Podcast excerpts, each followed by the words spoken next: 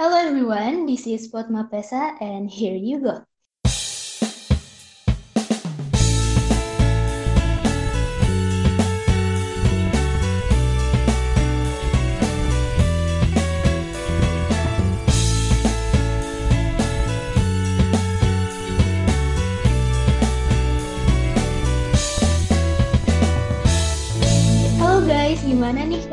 Semoga kalian semua dalam keadaan sehat selalu ya.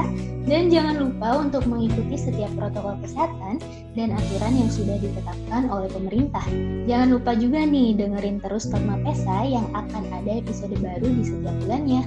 Oke, kali ini ada aku, Anissa Ami, sebagai host dari Departemen Kominfo kembali menemani kalian di Korma Pesa bareng pembicara kita nih yang keren banget dan tentunya asik banget buat diajak ngobrol. Siapa lagi kalau bukan ada Kavia dari Universitas Sudirman. Nah, sebelum kita kenalan lebih jauh nih dengan Kavia, tahu nggak sih di episode Potma Pesa kali ini kita akan bahas hal yang sedang trending banget nih di media sosial. Apa nih kira-kira guys? Yap, bener banget tentang cyberbullying. Duh, mind blowing banget gak sih tema kita kali ini? Kita semua sebagai Gen Z semakin lama di era saat ini perkembangan teknologi digital semakin pesat, benar nggak tuh? Dan faktanya menurut infokomputer.krit.id dari total populasi Indonesia sebanyak 274,9 juta jiwa dengan pengguna aktif media sosialnya mencapai 170 juta loh. Wow, banyak banget nggak tuh? Tapi kalian sadar nggak sih? Apakah dari angka pengguna media sosial tersebut juga bersamaan dengan kesadaran akan pentingnya menggunakan media sosial dengan bijak atau malah sebaliknya. Yuk langsung aja kita bahas bareng bersama narasumber kita kali ini. Ada Kavia. Halo Kavia. Halo Kak. Halo. Oke, boleh kenalan dulu nih Kavia Bu uh, ke pendengar Forma Pesa. Oke, halo semuanya. Kenalin, aku Olivia, biasa dipanggil Pia or Pia. Aku dari Fakultas Hukum Universitas Jenderal Sudirman angkatan 2021. Wow. Selamat datang Kak Pia di Fatma Pesa. Ini kayak for the first time ya Kak ya? Iya bener.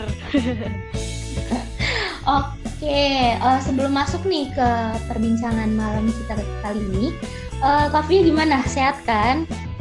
Alhamdulillah sehat. Kami gimana kami sehat? Alhamdulillah sehat juga. Alhamdulillah. Lagi padat-padat nih kali ya buat di perkuliahan. Ya agak capek-capek dikit tapi nggak apa-apa. Iya nggak apa-apa. Semangat oh. terus. Nah iya benar semangat terus. Dan uh, kita masuk ya ke topik kita kali ini tentang cyberbullying nih kak. Tadi kan aku udah bahas tentang sedikit uh, cyberbullying yang ada di Indonesia. Nah, aku mau nanya nih, menurut Kavia, apa sih cyberbullying itu? Kalau mengutip dari laman Think Before Tech sih, cyberbullying adalah perilaku agresif ya. Nah, tujuannya itu tuh biasanya dilakukan oleh suatu kelompok atau individu pakai media elektronik secara berulang-ulang dari waktu ke waktu terhadap seseorang yang dianggap nggak mudah melakukan perlawanan atas tindakannya tadi. Nah, jadi terdapat perbedaan kekuatan antara pelaku sama korban. Nah, perbedaan kekuatan ini tuh merujuk pada sebuah persepsi kapasitas fisik dan juga mental kami. Oke, wah jelas banget nih ya, anak hukum banget nih. Tuhun masih maba. Gak apa-apa kak. Oke nih, uh, sekarang kan kasus cyberbullying tuh makin banyak ya nggak sih di sekarang kan media sosial tuh makin banyak terus penggunanya juga nggak pandang umur juga nih nah menurut nah. Kavia kenapa sih pada saat ini cyberbullying itu sering banget terjadi kalau menurut aku sendiri sih ya kak karena emang akar masalah dari cyberbullying ini tuh banyak banget sebenarnya dari segi. Iya pendidikan, dari segi regulasi hmm. hukum dan sebagainya juga. Nah, aku mau nanya nih ke kami. Kami sendiri Apa? dulu pas pelajaran PKN di sekolah biasanya guru kan suka nyampein tuh kayak kita harus melakukan hal-hal berbudi luhur, hal-hal baik dengan teman-teman di lingkungan sekitar kita. Paling biasanya tuh mentok-mentok saling bergotong royong, membantu satu sama lain hmm, gak sih kami? Iya, ya, saling nolong lah ya satu sama nah, lain. Nah, tapi jarang banget gitu. Ada yang menyampaikan secara gamblang harus bisa menjadi pendengar yang baik. Oh iya, betul ya itu betul banget harus menjadi pendengar yang baik. Nah makanya padahal kalau kita punya kemampuan mendengar yang baik kita bakal melihat segala sesuatu tuh dari berbagai macam aspek. Kayak gak cuma dari sisi yang mau kita lihat aja tapi dari sisi orang lain gitu. Nah biasanya orang-orang yang suka ngelakuin cyberbullying ini tuh dia kurang bisa menganalisis kurang bisa memandang pendapat orang lain dan posisi orang lain gitu sih kami. Itu salah satunya jadi hmm. emang dirasanya ini sekiranya ada kelambatan transformasi gitu loh kami baik dari segi hmm. pendidikan sampai regulasi hukum. Karena hmm. kalau kita lihat jauh dari segi regulasi hukum, nah biasanya kenapa sih orang-orang masih banyak yang berani cyberbullying karena emang di kitab undang-undang perda, perda pidana kita itu cyberbullying belum ada kami paling oh, cuma pencemaran nama baik aja uh, paling oh, cuma pencemaran nama oh, baik aja ini. kayak kalau bisa menimbulkan kerugian psikis itu belum diatur KUHP itu masih mengaturnya tentang kekerasan fisik jadi harus ada kekerasan fisiknya dulu Wow. kerugian psikis itu belum diatur sama KUHP kita sekiranya kalau secara singkat itu sih dari keterlambatan transformasi pendidikan sama juga dari regulasi hukum yang masih kurang. Oke. Okay. Berarti emang ini ya belum ada aturan yang mengatur cyberbullying ini secara detail ya Kak? Benar.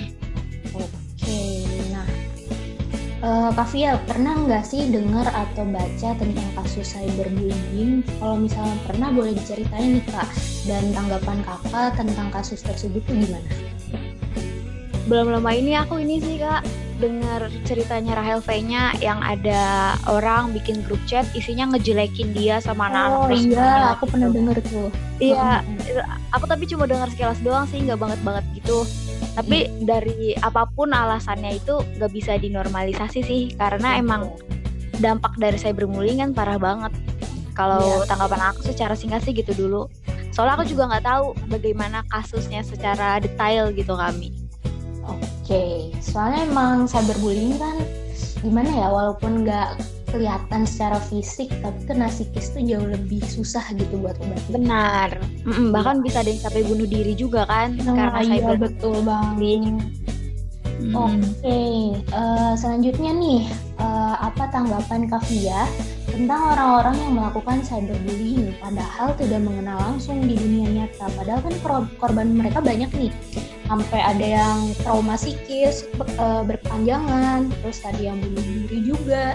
Dan ini tuh sering banget kejadian nih kak. Uh, tanggapan kakak gimana? Kalau menurut aku sih biasanya orang-orang yang melakukan cyberbullying itu yang pertama dia butuh validasi nggak kak? Iya. Gue bisa loh menguasai hidup lo gue tuh punya kuasa atas hidup lo gitu. Iya. itu bisa diatur dengan kata-kata gitu, ya, gue gitu. Heeh. butuh validasi gitu yang pertama. Terus yang kedua biasanya orang-orang yang melakukan cyberbullying itu mungkin dia punya keluhan punya unek-unek di kehidupan nyata di real life ya tapi nggak bisa dilampiasin gitu. Oh ya ini unek-uneknya secara yang baik tuh gimana gitu. Jadilah dia mumpung ada peluang di sosial media bisa menghujat orang lain kenapa enggak gitu loh ibaratnya. Hmm. bisa mengeluarkan kesumpah serapah kenapa enggak? Itu. Nah hmm. terus nih kami biasanya orang-orang yang ngelakuin cyberbullying ini tuh dia pakai akun anonim enggak sih kami oh iya betul. Akun Karena anonim dia ketahuan. Ya nggak mau ketahuan dan uh -uh. iya betul. Dan biasanya dia juga nggak kenal langsung kan? Nah iya. karena memang itu kan nggak ada hubungannya sama real life dia gitu antara yang ngebully sama yang dibully. Nah jadi dia ngerasa kayak real life-nya bakal baik-baik aja nggak bakal terganggu sama sekali karena yang dia bully itu di dunia digital dan dia sebagai anonim dia jadi santai aja. balik topeng. Iya jadi dia ngerasa real life-nya bakal baik-baik aja. Iya. Bisa sekolah tetap bisa kerja tetap bisa makan pergi dan sebagainya macamnya. Padahal di luar sana yang abis dia bully lagi berjuang dari cyber dari dampak cyberbullyingnya tadi. Seperti itu sih kalau aku aku kan Oke, ini aku juga pengen ini juga sih, pengen bahas sedikit. Sebenarnya kalau misalkan, kan kita nggak tahu sih ya uh, real life-nya si korban misalkan. Dan bisa jadi nanti uh, korban si cyberbullying bisa jadi ini nggak sih kak, malah dia uh, bisa jadi pelakunya ke depan gitu. Karena dampak dari cyberbullying ini kan langsung kayak trauma psikis banget ya. Ada juga yang kayak diem aja benar-benar cuma mendem sendiri gitu. Tapi ada juga yang karena sakit hati gitu malah dia jadi melampiasin juga ke orang lain jadi beruntun gitu. Ya nggak sih kak? Itu benar sih kak. Karena emang biasanya tuh selain butuh validasi mereka tuh juga butuh temen sebenarnya. Nah, jadi iya kayak benar. biar dia dia biar dia nggak sendirian gitu yang merasakan kesedihan hidup ini. Kayak nggak nggak cuma gue doang yang boleh merasakan kesedihan ini. Orang lain juga oh, harus merasakan yang gue rasakan gitu misalnya.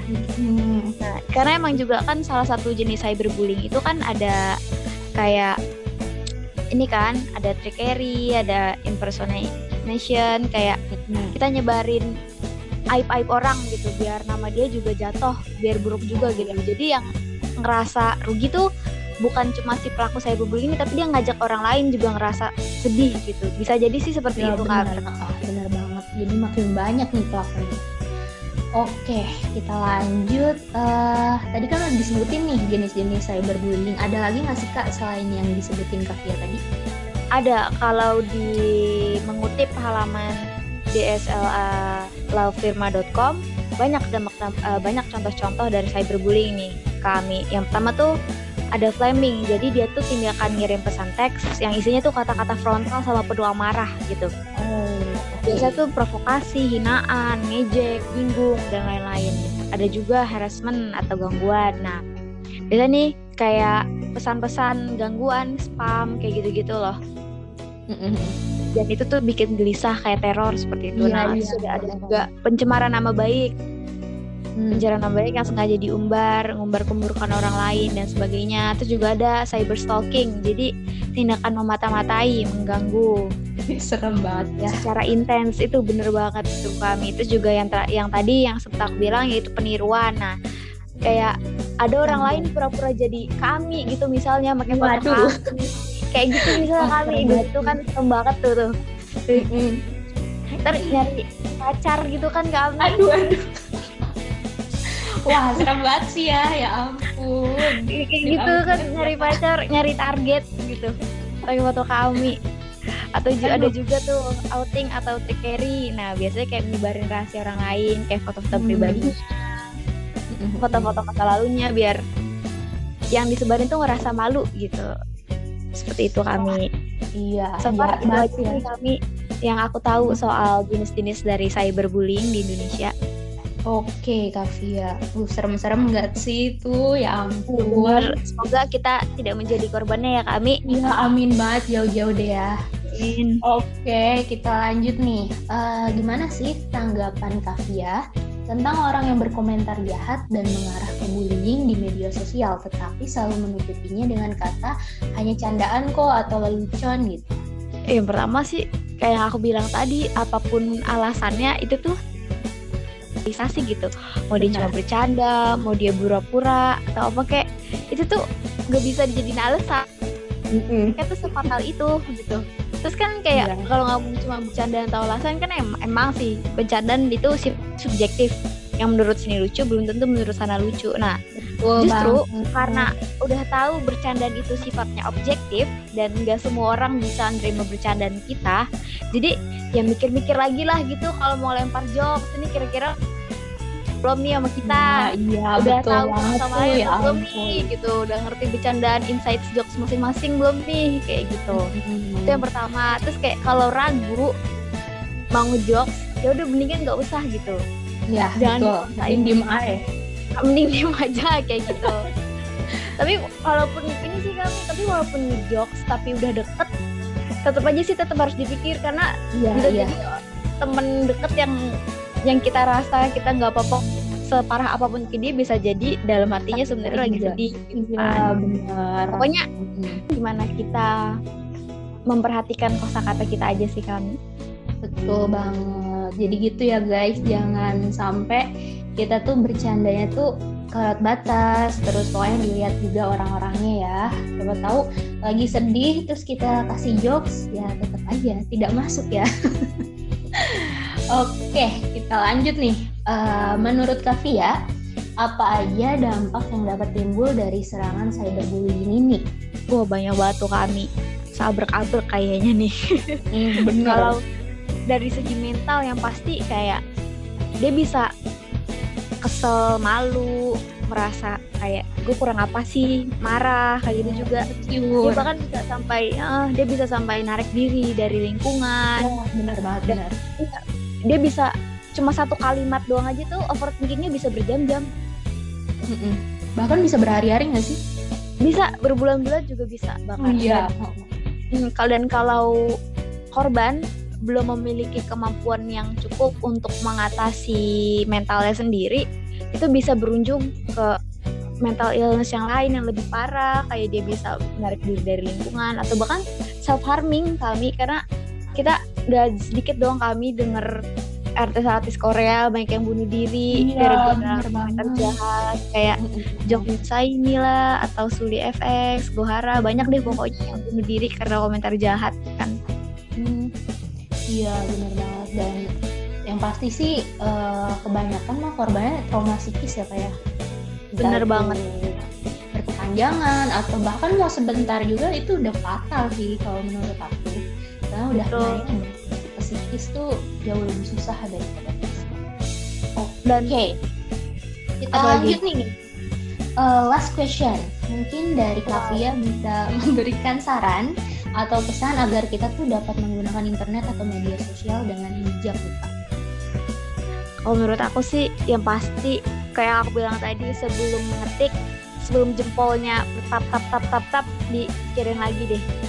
Wow. Apakah yang kita kali ya itu bisa melukai pihak tertentu nggak? Nah iya benar banget. Itu pertama. Terus yang kedua lebih baik ini loh kami banyak kalimat yang lebih bisa membuat hidup orang menjadi lebih bahagia. Kita pilih satu kalimat yang jahat gitu. Mm -mm. lebih baik kayak kalimat baik daripada kalimat buruk gitu ya. Iya betul seperti itu. Terus apalagi ya? Banyak deh pokoknya itu juga semoga kita berdoa bersama-sama semoga transformasi pendidikan dan hukum kita bisa cepat. Amin. pendidikan kita bisa bertransformasi untuk um, mencukupi pendidikan secara digital apalagi lagi daring gini juga kan. Seharusnya uh, seharusnya pendidikan kita juga mulai dialihkan tuh untuk hmm. kehidupan secara daring gimana ber yang baik tuh gimana. Itu juga dari segi hukum semoga cepat ininya revisi KUHP-nya benar. Semoga itu biar... aja Oke, makasih Kak Kia. Uh, sarannya dan pesannya tolong diingat baik-baik ya guys. Oke, nih sebelum aku tutup, jadi kesimpulannya buat pendengar Potmapesa, yuk kita saling bantu untuk mengingatkan kepada teman-teman, saudara, keluarga, dan lainnya bahwa perbuatan cyberbullying itu sering terjadi di media sosial dan harus banget untuk dihindari. Sebagaimana yang telah diatur dalam Perundang-undangan Indonesia dalam pasal 27 ayat 3 Undang-Undang Nomor 19 Tahun 2015 tentang perubahan atas Undang-Undang Nomor 11 Tahun 2008 tentang informasi dan transaksi elektronik karena dalam pasal tersebut menjelaskan mengenai penghinaan yang dilakukan melalui sarana komputer atau media elektronik yang mana sesuai dengan perbuatan cyberbullying itu sendiri. Oke, okay, uh, eh, sekali lagi aku mau terima kasih banyak buat Kavia udah hadir bareng aku. Buat Ami. Mohon maaf apabila ada kata salah-salah omongan. Ini aku kaget banget nih tiba-tiba di chat. Minta tolong jadi narasumber. Alhamdulillah banget mau ya, nanti hadir lagi kak. Kapan-kapan kita Allah juga Allah. Amin amin banget. Makasih banyak ya Kavia dan yeah. makasih juga buat teman-teman semua yang udah hadir bareng Potma Pesa kali ini dan berbagi pikiran serta knowledge baru buat kita semua. Sekian Potma Pesa kita pada episode kali ini and thank you so much for listening Potma Pesa. Don't forget to follow us on Instagram at @apapesaiPD and you can give us feedback by direct message on our Instagram. See you next time guys. Bye bye.